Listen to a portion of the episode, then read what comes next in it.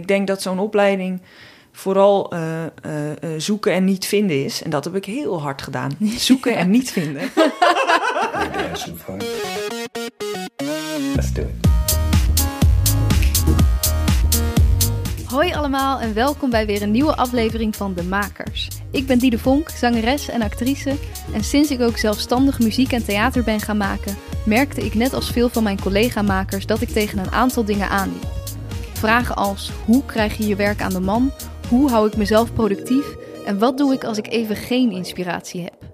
Daarom ben ik deze podcast begonnen, waarin ik elke week een inspirerende maker interview en vraag om tips. Vandaag spreek ik met Kirsten van Tijn, cabaretière, theatermaker en zangeres. Ze toert op dit moment door heel Nederland met alweer haar derde show Nobel, die gaat over het perfecte plaatje. Ondanks dat ze cabaret maakt, durft ze heftige onderwerpen aan te snijden, waardoor ze vaak na de voorstelling nog anderhalf uur staat na te praten met mensen die hun verhaal kwijt willen. Over al deze verhalen maakt ze vervolgens weer vlogs. Samen met een groep hele toffe fotografen heeft ze bij de voorstelling ook een fotoboek gemaakt. We hebben het over het soms moeilijk hebben op een opleiding, maar dat dit gelukkig niks hoeft te zeggen over je leven daarna, over rustig aan je carrière opbouwen en over hoe ze na haar derde theatershow ook weer de vernieuwing opzoekt. Heel veel luisterplezier. Hallo, welkom Kirsten. Dankjewel. Leuk dat je er bent. Ja, fijn. Ik uh, begin altijd even met de vraag: wie ben jij en wat maak jij? Uh, nou, ik ben dus Kirsten van Tijn. -hmm. Ik ben uh, net 30 geworden. Dat is wel een dingetje. Oh. En ik maak cabaret slash kleinkunst. -hmm. Ja, ik speel en ik zing ook in mijn voorstelling. Ja. Dus daarom zeg ik altijd slash kleinkunst. Want cabaret kan soms ook alleen maar uh, een grappenkanon zijn. Inderdaad. En uh, dat ben ik niet. ik zing ook. Ja. ja. En want jij is zingen dan voor jou komt dat eerst als je een voorstelling ja, schrijft? ik heb nu twaalf liedjes in mijn voorstelling en die verbind ik eigenlijk aan elkaar door middel van cabaretteksten. Ah ja. Uh, maar dat is wel meestal verhalend. Dus waar bij comedy of echt cabaret, de, de, de, de, de grappen bovenaan staan, staan mijn liedjes bovenaan. En die verbind ik dan door grappige teksten wel. Mm -hmm. Het gaat wel om. Uh, ja, hoe zeg je dat? Ik heb wel de, de, de pijn ligt eronder en, en de, de grap uh, uh, erop. En daardoor, uh, ja, hoe zeg je dit? Oh, dan kom ik nu al in de war met me. Oh, wat erg dit. Helemaal niet erg. Nee, ik bedoel, hoe zeg je dat? Er, er moet altijd een laag van pijn en, ja. en, en uh, uh, verlichting, lach op liggen. Ja. Maar daarom vind ik het, het woord cabaret altijd heel lastig. Ik ben nog mm -hmm. altijd aan het zoeken tussen de brug tussen toneel en cabaret. Ja, dat kan ik me wel voorstellen, ja. ja cabaret, daar hebben toch mensen een beeld van... nou, we gaan een avondje even lekker, lekker lachen vanavond. ja. ja. En, maar merk je dat vaak ook in de zaal... dat mensen dan denken... oh, dit gaat uh, toch wel ergens over? Ja. ja, dat merk ik altijd wel. Um, dus daarom probeer ik dat ook altijd wel in mijn uh, aankondigingsteksten mm -hmm. te zeggen van... Um, nu gaat het dan over het perfecte plaatje, wat we allemaal creëren. Dat ik zeg, maar we gaan ook even onder het Persische tapijt kijken. Wat ligt daar te rotten? Weet je wel, dus ze weten altijd wel dat ik het ook ergens echt wel over ga hebben. Maar ik merk wel altijd in het begin dat ik een soort verhaal opzet. Um, waarvan mij nog niet per se heel hard gelachen hoeft te worden. Mm -hmm. Want mensen moeten toch altijd, weet je, bij Brigitte Kaandorp, die komt op. Dan weten ze wat ze krijgen. Dat is meteen, weet je wel, ze, ze zijn meteen mee. Mm -hmm. En ik ben nog niet zo bekend. Dus de eerste tien minuten weet ik dat men altijd even... wie ben jij? Wat, hoe praat ze? Wat heeft ze aan? Dus ze moet het ook altijd even landen. Dus dan ga ik niet meteen snoeihard erin met allemaal grappen. Dat kan, dat doen wel mm -hmm. veel cabaretiers. Ik bouw hem altijd heel rustig op, totdat ik ze heb. Ja. Dus ik zet altijd een verhaal in en dan gaan we los. Klinkt goed. Dus er is heel erg over nagedacht, over de structuur. Zeg ja, maar. ja, zeker. En ja. hoe heb je dat uh, gewoon gaandeweg ontdekt? Van, oh, dit werkt beter voor mij? Ja, ik heb nu mijn derde programma gemaakt. En het mm -hmm. eerste programma ging ik met gestrekt been erin. En dan was het ook... Uh, Goedenavond, Lalo, hey, zeg eens hey. Weet je oh, ja, oh, en dan zitten mensen, als ze je niet kennen, meteen achter in hun stoel van... Wie ben jij en, en wat kom je ons vertellen? Um, dus uh, daarin heb ik geleerd dat ik veel beter rustiger kan opbouwen. Terwijl je nu dan ook juist weer merkt dat mensen dan denken... Hé, maar we zaten toch bij cabaret, waar is die eerste grap? En die komt wel... Maar ik bouw hem liever langzaam op dan dat ik er snoeihard in ga. En ze dan op een gegeven moment, uh, weet je wat, om dan uh, de rust te pakken. Dat is een, vind ik een lastigere volgorde. Ja, ja, dat kan ik me voorstellen. Ja. En uh, hoe is dat bij jou een beetje van start gegaan? Want je hebt op de Koningstheateracademie gezeten. Ja, klopt. Wat is dat voor opleiding? Uh, dat is echt een kleinkunstcabaretopleiding, waar in Amsterdam veel ook als echt acteur opgeleid worden. Werden wij echt puur opgeleid op zelf maken, zelf schrijven. En we hadden hele kleine klasjes, ongeveer twaalf man in het eerste jaar.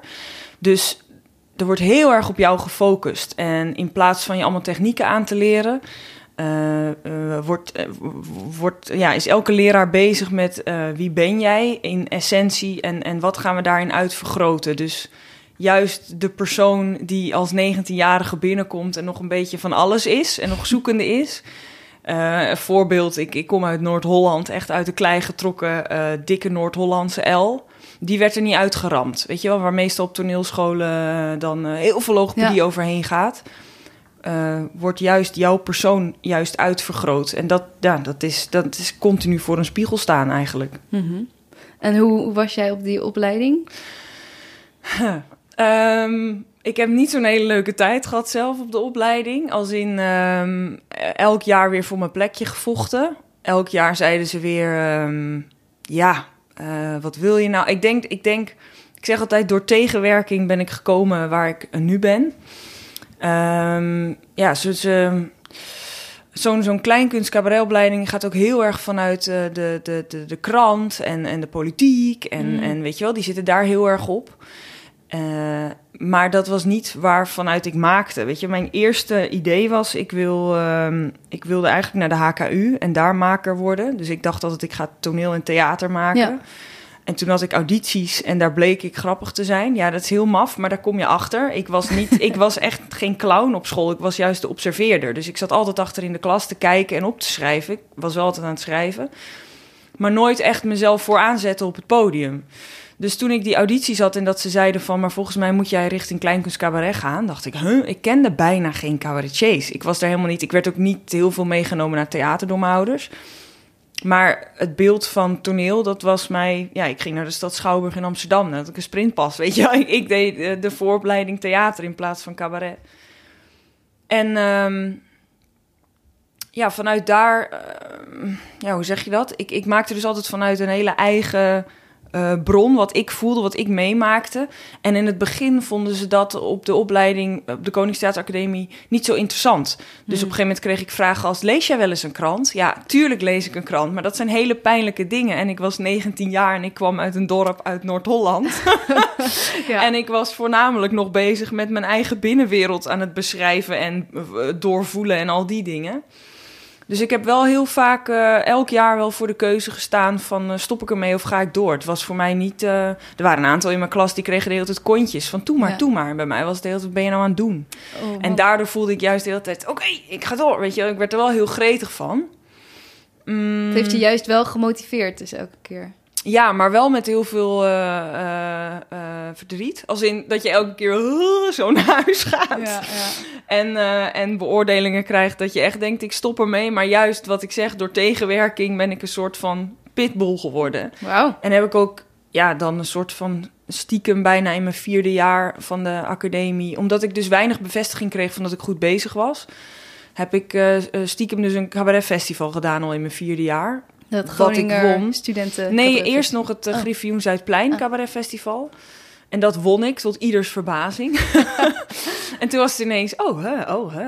Je had niemand op school verteld? Nee, nee. En uh, pas in de halve finale, want toen moest ik ook echt, uh, weet je, toen kwam dat in uh, krant, krantjes of weet je wel, dingetjes.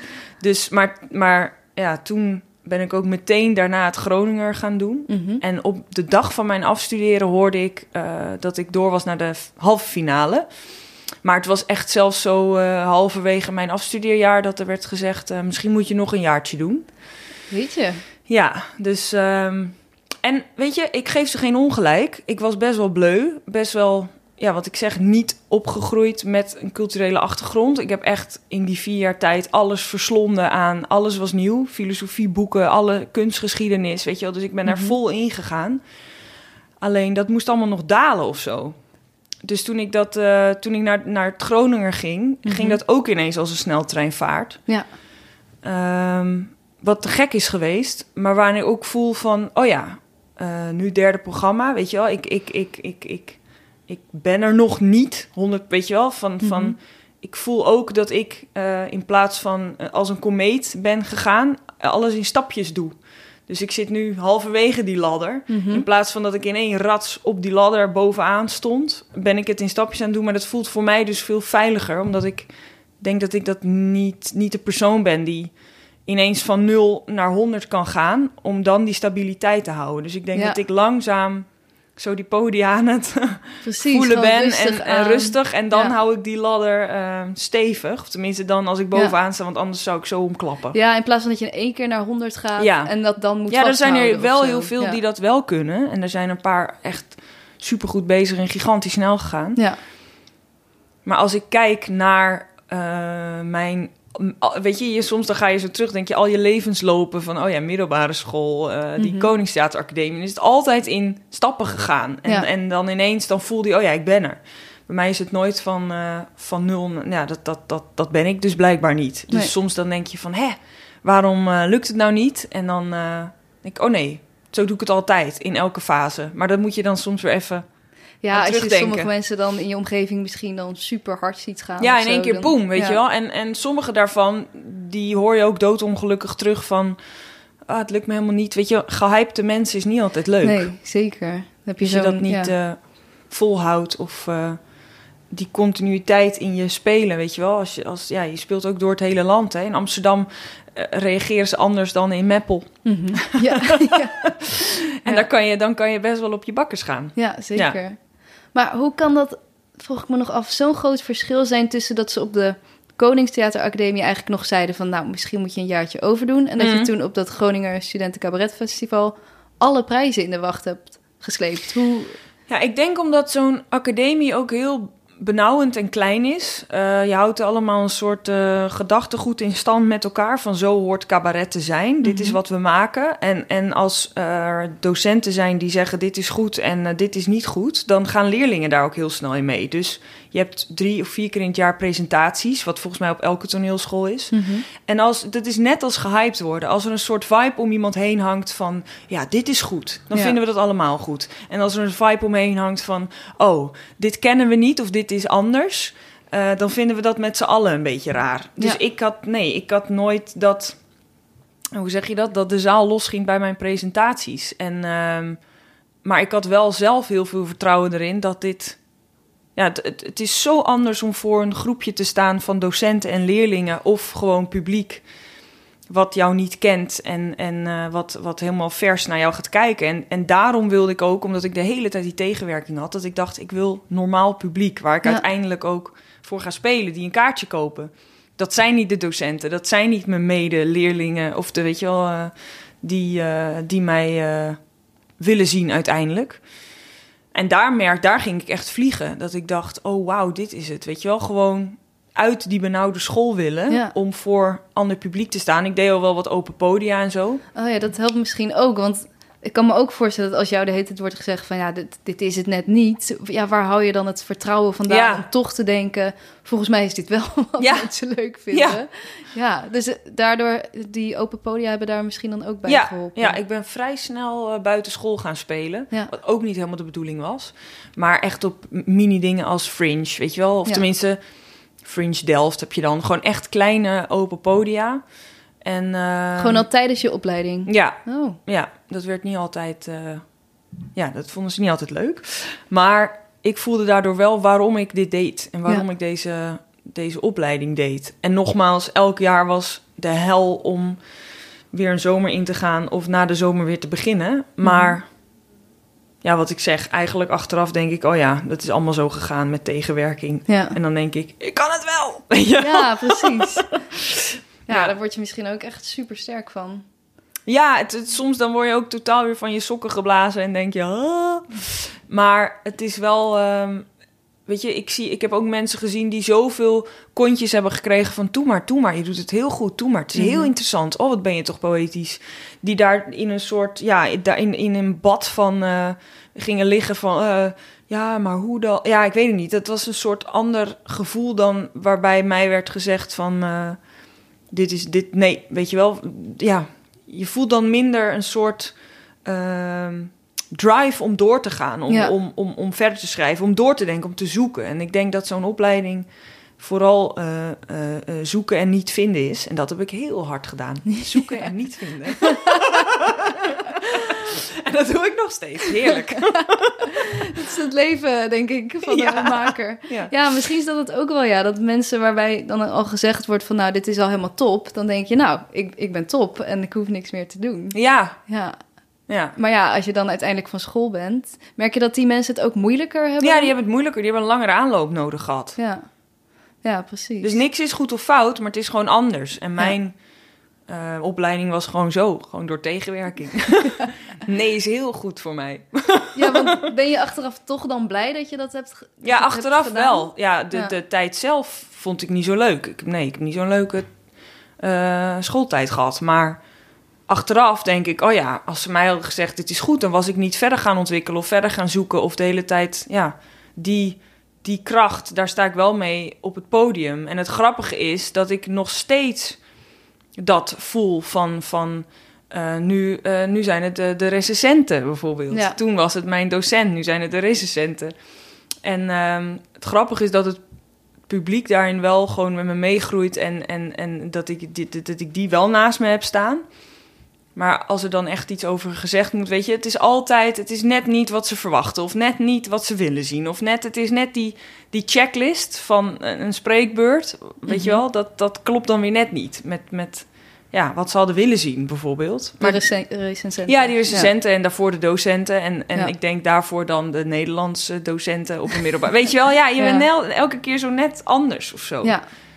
En, ehm, maar daardoor ben ik niet minder gaan geloven. Tuurlijk, soms dan, dan, dan kwak je weer op de grond. Maar ja, ik weet niet. Het is wel eh, zo'n Mhm. pitbull gevoel of zo van... eh, Oké, daar gaan we weer. Ja. maar hoe is dat dan als je inderdaad recensies krijgt tijdens... Nou ja, je bent net begonnen met de voorstelling... En je krijgt een recensie waar je eigenlijk misschien nou, niet zo blij mee bent. Mm. Maar ja, je speelt wel misschien nog een jaar die voorstelling. Ja. Ga je dan nog veel aanpassen of denk je... het publiek is met mij en ja, dit is... Nou, ik ben niet zo eh, ja, stubborn, laat maar zeggen, door me er helemaal niks van aan te trekken. Ehm, ik heb wel ook nog steeds last ervan. Dat je denkt van, oh ja, ze hebben het niet gevoeld. Dat vind ik het ergst, weet je wel, Oh ja. als ze het niet meegevoeld hebben. Dus als ze mijn, ehm, ja, de onderlaag van de liedjes of wat, wat, ja... Dat vind ik dan, terwijl het publiek me huilend in de armen valt. Of ik heb nog nooit zoveel berichten gehad naar een voorstelling van... Oh, en ik zit met dit en ik zit, weet je wel, dat, dat, daar ben ik ook gaan vloggen over wat mensen Ja. allemaal aan me kwijt willen. Echt de hele verhalen, hele persoonlijke verhalen, wat ik, wat ik het mooiste vind, want dan heb ik dus iets opengebroken. Maar eh, als dan een recensent gevoelsmatig in de wc van een beveiligingscamera de voorstelling heeft zitten kijken en niet het gevoel heeft gekregen. Het in de, in de wc van... Nou ja, dat gevoel heb ik. Dat je als, ze dan, als je dan zo'n recensie leest, denk je... Oh, oh ja, je hebt niet ja. in de zaal gezeten en meegevoeld. Je hebt Nee. op het toilet naar een beveiligingscamera zitten kijken... en daar een soort ah, stem gehoord. Ja. En daar heb je recensie op geschreven. Maar nogmaals, eh, we werken... Ja, weet je wel, ze horen wel bij het vak. Mhm. Dus ja, ik ga dan wel met mijn regisseur al die recensies... Je hoort ook heel veel die het gewoon echt aan de kant kwakken... en het niet eens lezen. Mhm. Uh, maar ik pluis het wel uit. Ik ga er wel, ik kijk er wel naar. En ik, ik, ik ben er ook mee weer aan het, aan het werk gegaan. Ja. En dat is hetzelfde als, weet je, op die school ben ik ook niet, heb ik ze ook niet genegeerd of gedacht, jullie zijn gek of ik weet het zelf beter. Je, ja, je gaat toch weer dus dat, dat zoeken. Je gaat toch weer ermee aan het werk. En uh, ja, dus ik doe er wel altijd iets mee. Maar ik gooi niet mijn hele voorstelling om. En het is niet dat zij. Maar soms zie je in vier recensies gewoon iets waarvan je denkt: oh ja, dat komt dus elke keer terug. Ja. Dus daar is iets mee. Dus moet ik dat aanpakken.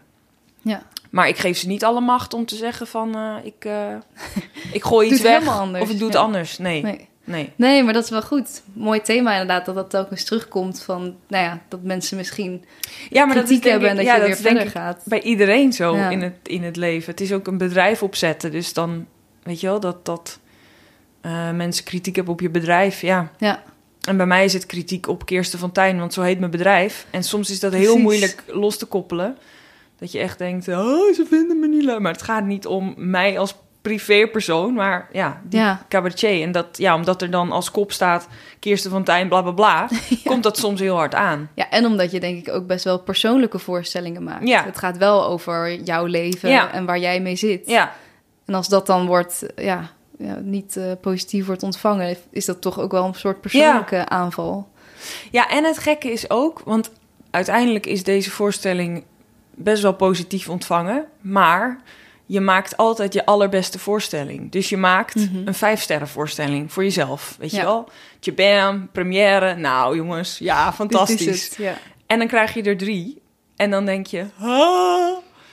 En nu laatst was er een, ehm, een cabaretier waarvan ik... die ik al gezien had, die voorstelling was in première gegaan. Ik vond het een fantastische voorstelling. En ik zie in de Volkskrant staan drie sterren. En ik denk, yes! Dacht ik. Mijn eerste reactie, hè? yes, wauw. Ik gefeliciteerd appen. Ik lig huilend op de bank, kreeg ik terug. Ah, En toen dacht ik, oh ja, ik lag ook huilend op de bank met drie. Weet je wel? Maar Ja. het is dan... Dus het is ook zo je eigen interpretatie op jezelf. En zeker. nu was ik blij dat ik dacht, jee, drie. En ik was zelf, lag ik ook huilend op de bank met drie. Ja, het is heel raar hoe het Ja. werkt.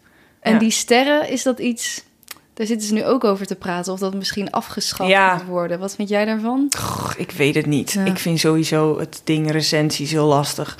Weet je, we gingen in première in de Schouwburg van Haarlem, uitverkocht 650 man. En er zitten vier recensenten met vier meningen. En die zijn weer totaal anders dan die 646 man.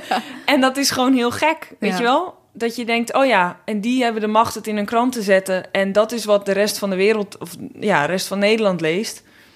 En je krijgt honderd andere reacties, omdat er, weet je wel, omdat je die dan, die honderd dan spreekt op die avond. Ja. dat verschilt zo erg. En daarin is ook een soort, dat is ook een soort brainwash ding, weet je wel, dat je Ja, die avond beleeft en gespeeld hebt en je denkt, bah, weet je wel, ik heb ook wel eens een première gehad dat ik dacht, ah, weet je wel, die, die, die liep niet. En nu, deze première was boom. Mhm. Maar de volgende dag met die recensies was niet boom. Dus je hebt zo verschillende Ja. emoties en dan, ja, dan, dan plak je daar ja, een cijfer aan vast. Ja, ik weet het niet. Ik, ik vind het heel lastig. Aan de ene kant willen, willen eh, makers ook altijd iets op hun flyer kunnen zetten als het wel fantastisch is. Dus dan ben je die sterrenregens kwijt. ja. En aan de andere kant vind ik het ook iets, eh, iets heel bekrompends. Want ja, niemand leest meer die stukjes. Mhm. Of de eerste zin of de, de kop. En ze zien, eh, eh, oh, eh, drie ballen of drie sterren. En dat, daar houdt het bij op. Dus als je die, die sterren wel weghaalt, dan leest men misschien het stukje. ja. En komt de inhoud wat meer over. Maar dat, ja, dat vind ik altijd hele lastige dingen om te zeggen ja of nee. Ja, nee, dat snap ik. En het is ook wel goed wat je zegt dat een recensent is natuurlijk echt een, nou ja, die heeft heel veel toneel gezien, echt een criticus. Ja, die zien drie keer in de, Ja. vier keer in de week iets. Dus Maar die kijken natuurlijk heel anders dan Ans uit Meppel. of Ja, zo. tuurlijk. En die laten zich ook heel anders raken. Of Ja. misschien... eh, ja, ja, en daar moet het misschien ook... Weet je, het wordt zo absurdist, het wordt steeds absurdistischer, er is steeds meer mogelijk. Dus ja, dan, dan ja, dat, je, je moet ook wel zo'n voorstelling maken. Wil je die vier of vijf eh, sterren halen? En daar ga je altijd wel voor. Maar ja, we geven ze eigenlijk nu alweer te veel macht door er al vijf minuten over te praten. Volgend onderwerp. Ja. ja. Nee, maar ik was ook nog wel even benieuwd naar, want jij zegt, nou, ik ben, eh, ik ben meer rustig aan het opbouwen. ja. Maar als ik zo kijk naar jouw carrière, je bent natuurlijk, je hebt toen dat cabaret festival Mhm. gewonnen.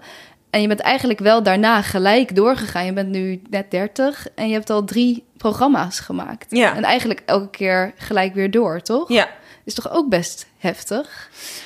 Ja, nou ja, ik was heel blij dat ik dat dus kon doen. Want, Mhm. want ehm, wat ik zeg, dat, dat, dat die school, weet je wel, dat ik daar heel veel heb moeten onderzoeken en niet 100% steady was.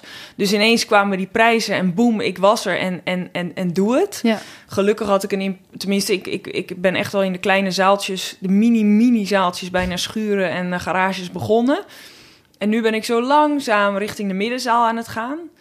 Ehm, maar het is, wel, het is wel heel snel gegaan, ja. Ja, ik, heb wel, ik voel nu wel zo na mijn derde een soort keerpunt. Dat ik denk, eh, wil ik dat weer? Weet je, mijn, eigenlijk zijn mijn eh, vorige programma's allemaal Eh, de, laatste, de, de, de allerlaatste voorstelling was dan eind april. En begin mei had ik mijn eerste try-outs van mijn nieuwe voorstelling. Dus ik schreef altijd tijdens Oh. de reprise. Ja. Dat is snel, ja. ja, en nu heb ik ook heel bewust gekozen voor een hele korte reprise. Mhm.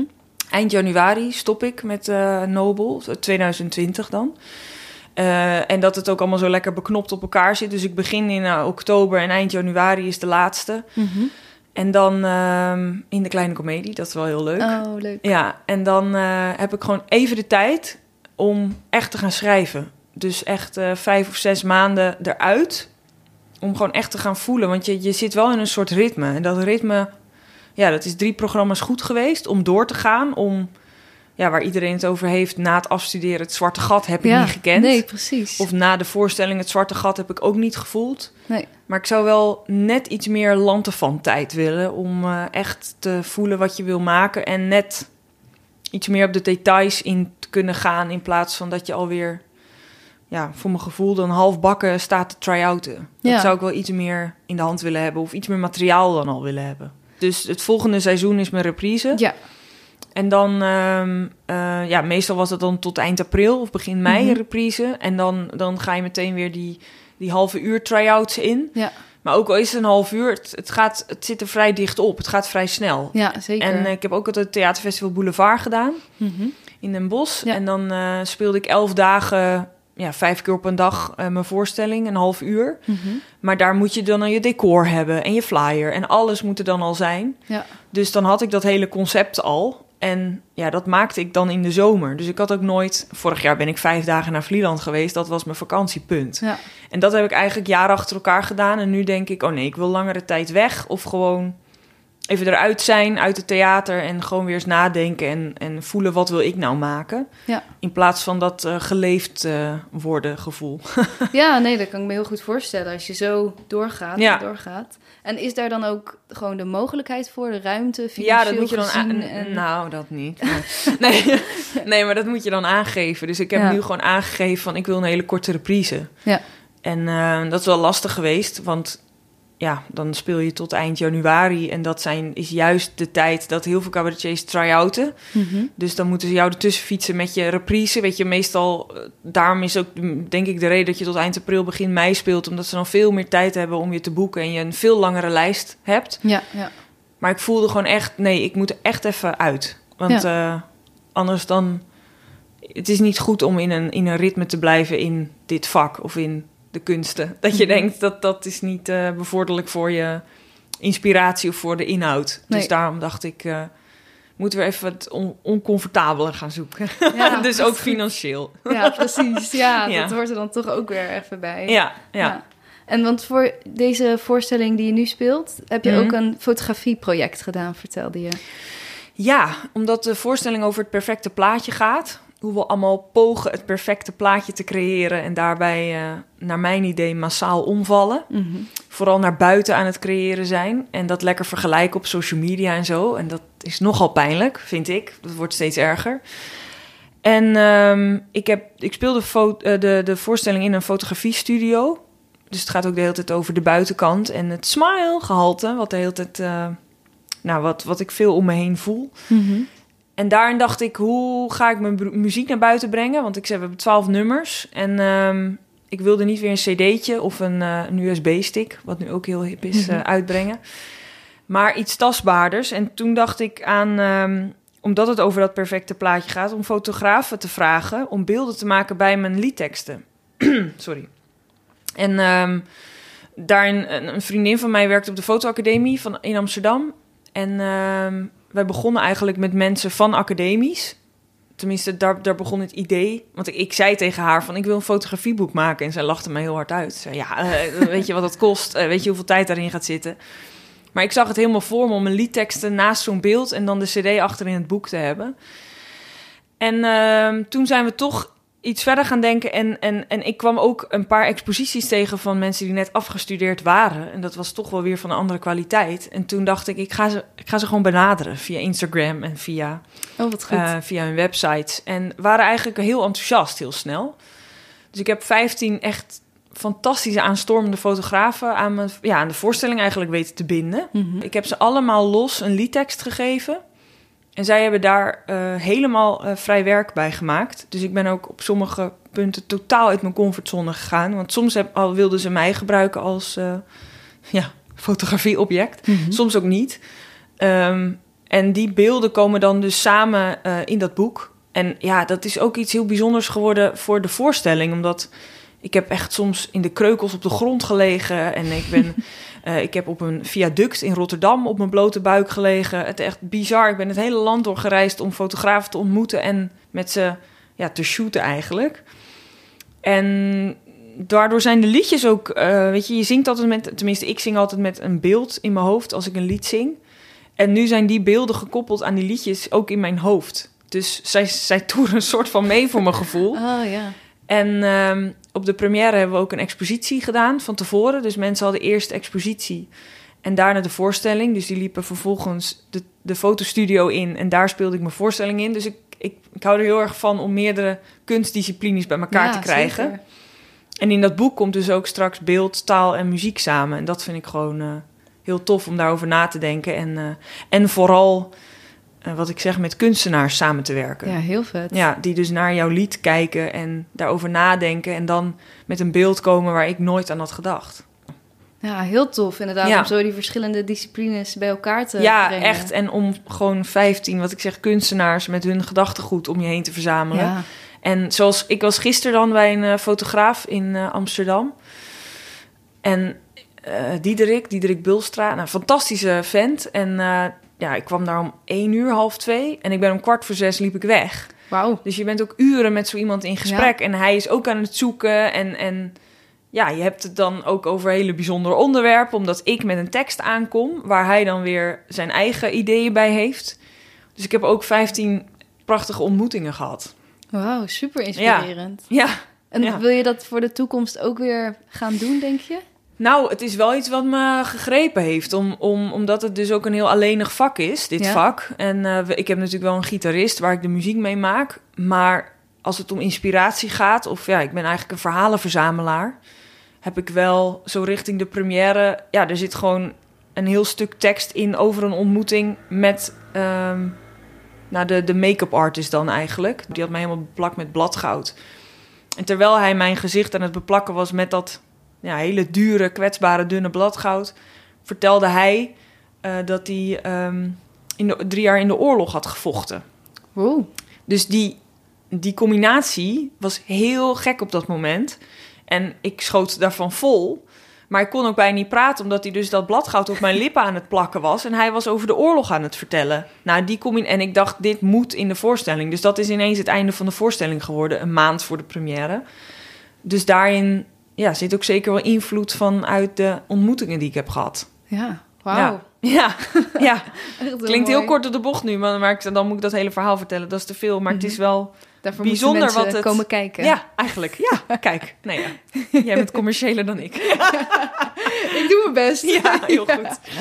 Ja, en je zegt ook, het is natuurlijk echt een alleenig vak.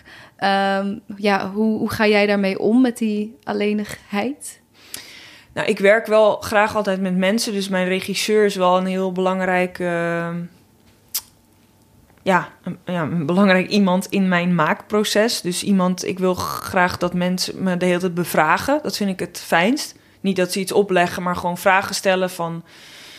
Wat wil je hiermee? Wat bedoel je? En, en daardoor je daardoor op een diepere laag komt. Maar ik begin wel altijd alleen. Ik begin echt met ehm, sprokkelen. Dus ik heb altijd zinnen of, of, of beelden die ik zie, die ik dan opschrijf. En dan met al mijn gesprokkelde materiaal. Soms zijn het zelfs alleen woorden. Eh, daar gaan we het dan over hebben. Dus ik ben wel altijd vanuit de communicatie ga ik echt schrijven. Dus vanuit dat wij gesprekken hebben, denk ik, oh ja, het kan deze kant op of deze kant op. En na dat, ehm, ja, na dat werk van dat, van dat sprokkelen en dat, en dat praten erover, dan ga ik echt schrijven. Maar dat schrijven doe ik ook wel echt alleen. Maar dan kom ik vervolgens weer met die zinnen weer bij haar. Dus zo, ik heb wel altijd, ik, ik maak niet alleen, nee. Nee. En hoe vaak zie je je regisseur dan in zo'n maakproces? Vrij vaak, ja. Ehm, in het begin, nou, om de paar weken of zo. Je gaat wel Mhm. weer naar huis om dan vervolgens weer verder te malen Ja. en het even weg te leggen. En Maar ik, ehm, ik heb wel echt een, een, een, een regisseur nodig. En ik heb nu ook voor, de, voor mijn... Ik ben alweer bezig in mijn hoofd met mijn nieuwe voorstelling. Dat ik ook wel echt eh, met een dramaturg wil werken. Weet je wel, Oh, ik ben ja. wel... Dus Ja. regisseur en dramaturg. Ja, zoiets. Weet je wel, mijn, mijn, mijn regisseur is fantastisch, maar toch dat je wat meer verschillende blikken Mhm. erop hebt. Ja. En het is ook, ehm, weet je wel, je moet soms echt helemaal in je eigen bubbel om helemaal te voelen en heel specifiek op te schrijven wat jij wil maken, zodat het nog herkenbaarder wordt en heel erg van jou wordt.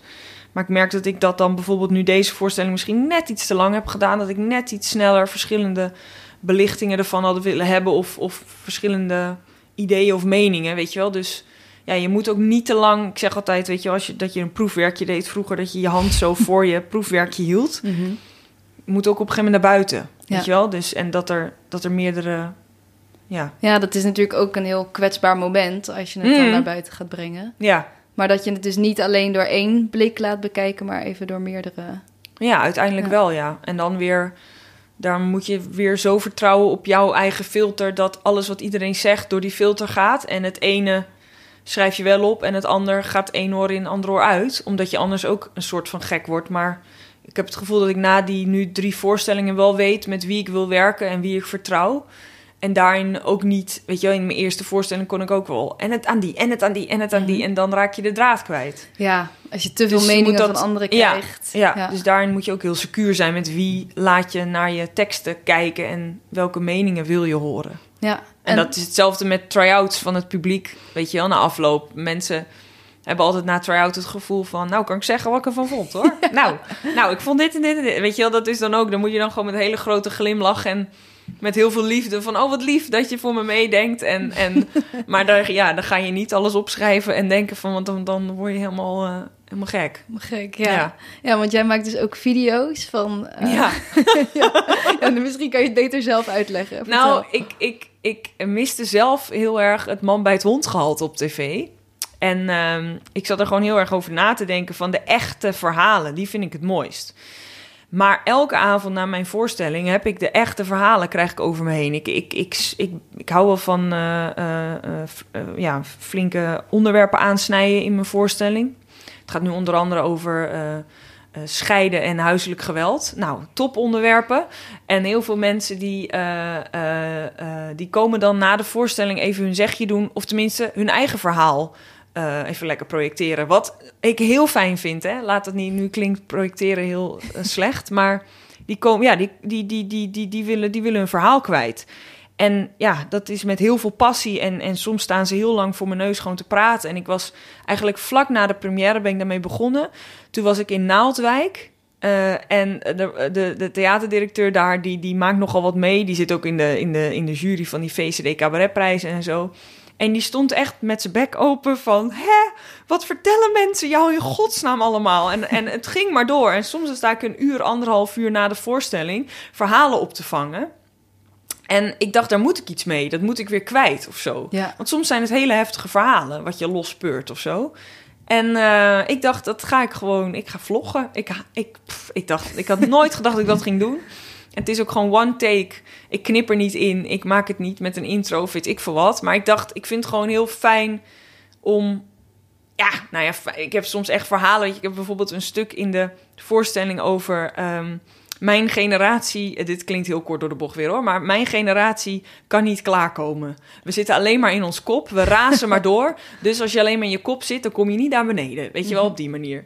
Komt er een vrouw naar de voorstelling toe, die vraagt gewoon waar allemaal mensen bij staan. Is dat echt van het klaarkomen? Dus dat, dat checken ze altijd of het echt of niet echt is. Ik, ik weer mijn generatie bij. Ja, mijn generatie heeft er wel, ja, ik hoort wel veel om me heen. Ja, daar hebben we wel moeite mee. Zeggen ze, nou, ik heb een tantra-site. En, eh, en vervolgens ging ze gewoon heel lang over tantra hebben. En over waar allemaal mensen omheen stonden ja te knikken. Ah ja, ja. Maar omdat je zo met elkaar in zo'n verhaal zit, is alles ineens normaal en wordt Ja. alles besproken. Maar ja, zeg dit maar op een verjaardag of weet ik van ja, het is gewoon heel. En ik, ja, ik vind het gewoon heel leuk om daarna mijn statiefje neer te zetten met mijn mobiel erop en dat even lekker te gaan vertellen. En, en ik merk dat er heel veel op gereageerd wordt, dat mensen het leuk vinden om die verhalen te horen. Ja, zeker. Ja, jij hebt jezelf misschien natuurlijk even helemaal gegeven, dus dan denken mensen, ik, ik wil misschien iets teruggeven. Ja, ja, ja, ja. En soms, ja, nou, of, of mm, ik denk dat het meestal echt iets kwijt willen is. Weet je wel, dan gaat het op een gegeven moment dus over huiselijk geweld. En dat ik dan echt zo'n moeder en een dochter naast me heb staan die zegt: Ja, mijn ex-man heeft mij en, en mijn dochter ook helemaal in elkaar gerost. En dan sta je wel even van oef, maar. Ja. Dat, dat, dan, dat daar een opening is om dat te zeggen. Terwijl ik in de voorstelling zeg: er ligt zoveel taboe op daarover naar buiten komen. En dat je dat dan even lospeurt en dat ik hoop dat zij weggaan en dan moeder dochter daar nog even over heeft hebben. Ja, dat is wel dat is dan wel eh, wat ik ja waarvoor ik denk dat ik theater maak ook. Ja. Ja, dus dat ja. Ja, dat wou ik net vragen, is dat waar je het voor doet? Maar dat, dat- Ja, ook om, om, om eh, erover te kunnen lachen. Ik bedoel, Ja. ik heb heel, eh, ja, dus het gaat wel daarover, maar over scheiden of huiselijk geweld, maar we, we lachen er heel hard om, weet je wel. Daar zit wel die ontlading. Ehm, maar ja, ik heb het ook over de hele tijd. Trek dat persje tapijt op, laat het niet rotten, praat. Of eh, kijk naar jezelf, zoek hulp, blijf niet wijzen. Zeg niet, ik ben een slachtoffer, ga voor jezelf staan. Dus mensen komen ook een soort van, op, op, op, weet je wel, zo uit die voorstelling van, nou, lekker hoor, lekker hoor. Iemand zei, een man, een oudere man, die kwam laatst naar me toe, die zei, jij bent goedkoper dan een psycholoog. Dacht ik, mooi. Want dan hebben Ja. we en om gelachen en om gehuild. ja. En eh, weet je wel, dat, dat, dat, dat vind ik eh, fijn. En dat is denk ik ook wat ik zei, die brug tussen toneel en cabaret die ik blijf zoeken. Eh, ja, dat, dat, dat is wel mijn, mijn doel. En hoe lang speel je deze voorstelling nog? Eh, tot eh, half mei speel ik hem nog. En eh, daarna gaan we dus nog eh, tot eind januari. En dan sluiten we dus af in de Kleine Comedie in Amsterdam. Wat voor mij ja, wel het walhalla van ja, de, de cabarettempel is eigenlijk. Ja, Ja. ja. En dan daarna begin je met je paar maanden even echt deep dive. schrijven. Nadenken, schrijven, wat wil ik nou? Ja, Mhm. drie voelt voor mij altijd als een keerpunt. Derde Ja. programma, weet je wel, nu moet er weer iets anders. Of ja, toch ben ik, wil je jezelf altijd opnieuw uitvinden na een voorstelling. Maar drie voelt voor mij wel echt dat ik denk, oké, wat, eh, wat wil ik nou echt, echt maken? Wat wil ik nou echt zeggen? En eh, daar heb ik dan nu iets meer tijd voor. Ja. Ja, En moet je dan ook, want dat vind ik ook altijd zo wonderlijk, dat je al ongeveer een jaar van tevoren een beeld en een titel Ja. en dat soort dingen moet hebben. ja. Moet je dat dan nu ook alweer klaar hebben liggen?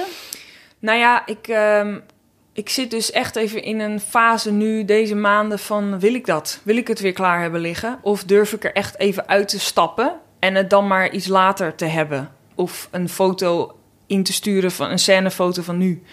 Ik wil eigenlijk nog niet eh, te veel eh, vastleggen. Dus ja, dat is wel een beetje gek. En daar kan een impresariaat dan ook wel echt achteraan zitten. Maar ik dacht, ehm, desnoods ga ik er nog iets langer uit. Ja, ik wil niet helemaal, helemaal eruit uit. Maar ik wil gewoon echt, echt weer even voelen, wat wil ik maken? En ik wil, ik wil even van die sneltrein af. Want dat heb ik ja, eigenlijk vijf jaar vanaf mijn afstuderen gedaan. En ehm, dan, dan weet ik ook nou, niet weer zo'nzelfde soort voorstelling gaan maken... maar dat ik net te weinig tijd heb of net te weinig kan invoelen. En ja, dat is heel eng, maar ik wil dat wel, ik wil dat wel doen. Ik wil niet te veel... Ik, weet je, ik ben ook iemand die vanuit eh, de vorm maakt. Dus ik zie heel snel beelden. Maar je kan je ook heel snel vastpinnen op een beeld. Dat dat het is en dat dat de titel is en dat dat je kapstuk is, punt. Maar ik wil toch iets meer proberen om nu eens te beginnen vanuit de inhoud en eh, net, ja, net even anders te gaan maken. Dus daarom, ja, ik ben ook wel met verschillende mensen aan het praten van hoe kan ik dat nou gaan bewerkstelligen. Weet je wel, er moet wel voor mijn gevoel iets, weer iets gebeuren. Ja, weer even een verandering. Ja, ja. Spannend. Ja, heel spannend. ook heel spannend om dat hier te zeggen. Ja? Is het voor Ja, nou ik zeg je het dan. zegt? Nou ja, nee, niet, maar iets wat dan vast ligt, wat Ja. ik het zeg. Weet je wel? Dat je denkt, maar dat, dat voel ik, ik, ik moet dat gewoon doen. Ik moet daarachter gaan staan. Ja. In plaats van eh, op dezelfde manier, maar om in het snelle door te willen. Mhm. Dat zeg ik ook de hele tijd. Alles is maar korte termijn deze tijd. Ja. Snel, snel, snel. En ehm, ja, je, het, moet er wel, het moet er wel ineens zijn. Of het moet wel... Ja, dan, dan, en dan kan ik weer een vierde voorstelling maken. Weet je wel? Dus, dus ik, ik, ik moet gewoon even anders... Ja, Ja, ik- wil dat, ja, even uitbreken. Ja. Ja. Mooi. Ja. Is er nog iets wat ik had moeten vragen? Wil je nog iets kwijt? Heb je nog een advies voor mensen? die nu afgestudeerd zijn en denken... Nou ja, wat ik zeg, door tegenwerking ben ik gekomen waar ik wil zijn. Dus laat je niet van je pad afleiden en ehm, ga langzaam uh, die ladder op om hem in evenwicht te houden. In plaats van dat je wil dat het omhoog schiet, want meestal klap je net zo hard weer op je bek. Maar sommigen kunnen het wel, laat ik daar wel, sommigen kunnen het wel. En uh, ja, blijf continu. Ja, het klinkt allemaal heel pathetisch wat, wat dat dan is. Maar het is wel echt die eigen koers. En um, geloof dat wat jij maakt, dat weet je, er zijn zoveel mensen in Nederland dat, dat je uh, niet moet bedenken wat je wil maken, maar voel wat je wil maken. En dat dat meestal dat dat klopt en dat dat goed is. En uh, dat honderd mensen tegen je kunnen roepen: nee, maar dat je dan toch ergens voelt van, weet je wel, het, het haakt altijd ergens aan. En uh, ja, dus het klinkt, het klinkt, het klinkt heel truttig, maar toch, ja. Blijf bij je eigen koers. Ja, het is gewoon, maar het is wel dat je wat je voelt. Weet je, je hebt de hele tijd hebben de, ja, mensen kunnen je veel vaker van je padje aftrappen dan erop trappen. Dat gebeurt gewoon veel minder snel. Weet je, ik heb dan op een gegeven moment dat ik echt gevoel dat ik vleugels onder me had. Dat je die wind zo van dat je denkt: oké, en dan zijn er honderd die je weer naar beneden proberen te trekken. Op wat voor manier dan ook. En probeer dan maar omhoog te komen. Weet je wel, dus ja. Dat beeld van dat omhoog komen en die ladder en dan niet te snel en het in evenwicht houden. Ik denk dat dat, dat, dat, uh, ja, dat, dat uh, is, iets is wat ik vanaf mijn afstuderen heb gedaan. En wat me tot nu toe uh, ja, ver brengt in kleine stapjes. Dankjewel. Ja, jij bedankt. Waar kunnen we jou vinden, zoeken? Nou ja, sowieso, mijn speellijst staat op mijn uh, website, kirstenvantijn.nl. En uh, die, die leuke vlogjes, die gooi ik dus op mijn, uh, op mijn Facebookpagina. de, de, de, de like-pagina, Kirsten. En ja, Instagram, ja, alles, jou hoor. Ik gooi het er allemaal, allemaal op. Dus ja, gezellig. Volg me vooral. Ja. Top, dankjewel. Jij bedankt. Dat was het gesprek met Kirsten van Tijn. Ik vond het zelf een heel gezellig en leuk gesprek. Ik denk dat die realisatie van dat tegenwerking je zoveel sterker kunt maken een beetje het thema is van dit gesprek. Heel erg tof en knap hoe ze juist kritiek heeft om weten te zetten tot hard werken en beter worden. In mijn ervaring, en ik denk dat dit in heel veel kunstopleidingen wel zo is, is dat er altijd mensen zijn in een klas die er bovenuit steken en mensen die misschien juist altijd wat meer kritiek krijgen. In zo'n schoolsysteem kan het voelen alsof wat docenten zeggen 100% waar is. Maar ik zie ook dat het echt niets hoeft te betekenen voor wat voor een succesvolle carrière je daarna kunt hebben. Dus blijf werken, blijf geloven en dan kom je er wel. Kirstens voorstelling Nobel is nog maar een paar keer te zien door het hele land. Dus ben je benieuwd geworden, ga het even checken. Heel erg bedankt Kirsten van Tijn en Amsterdam FM. Vond je dit een leuk gesprek? Abonneer je dan op de podcast en volg de Makers Podcast op Facebook en Instagram. Delen en reviewen is heel erg fijn en laat het me vooral weten als je nog gasten of vragen hebt die je graag wilt horen. Volgende week staat er weer een hele bijzondere, inspirerende gast voor je klaar. Deze podcast werd gemaakt door mij, Diede Vonk, en de muziek is van David Zwarts. Tot volgende week bij De Makers.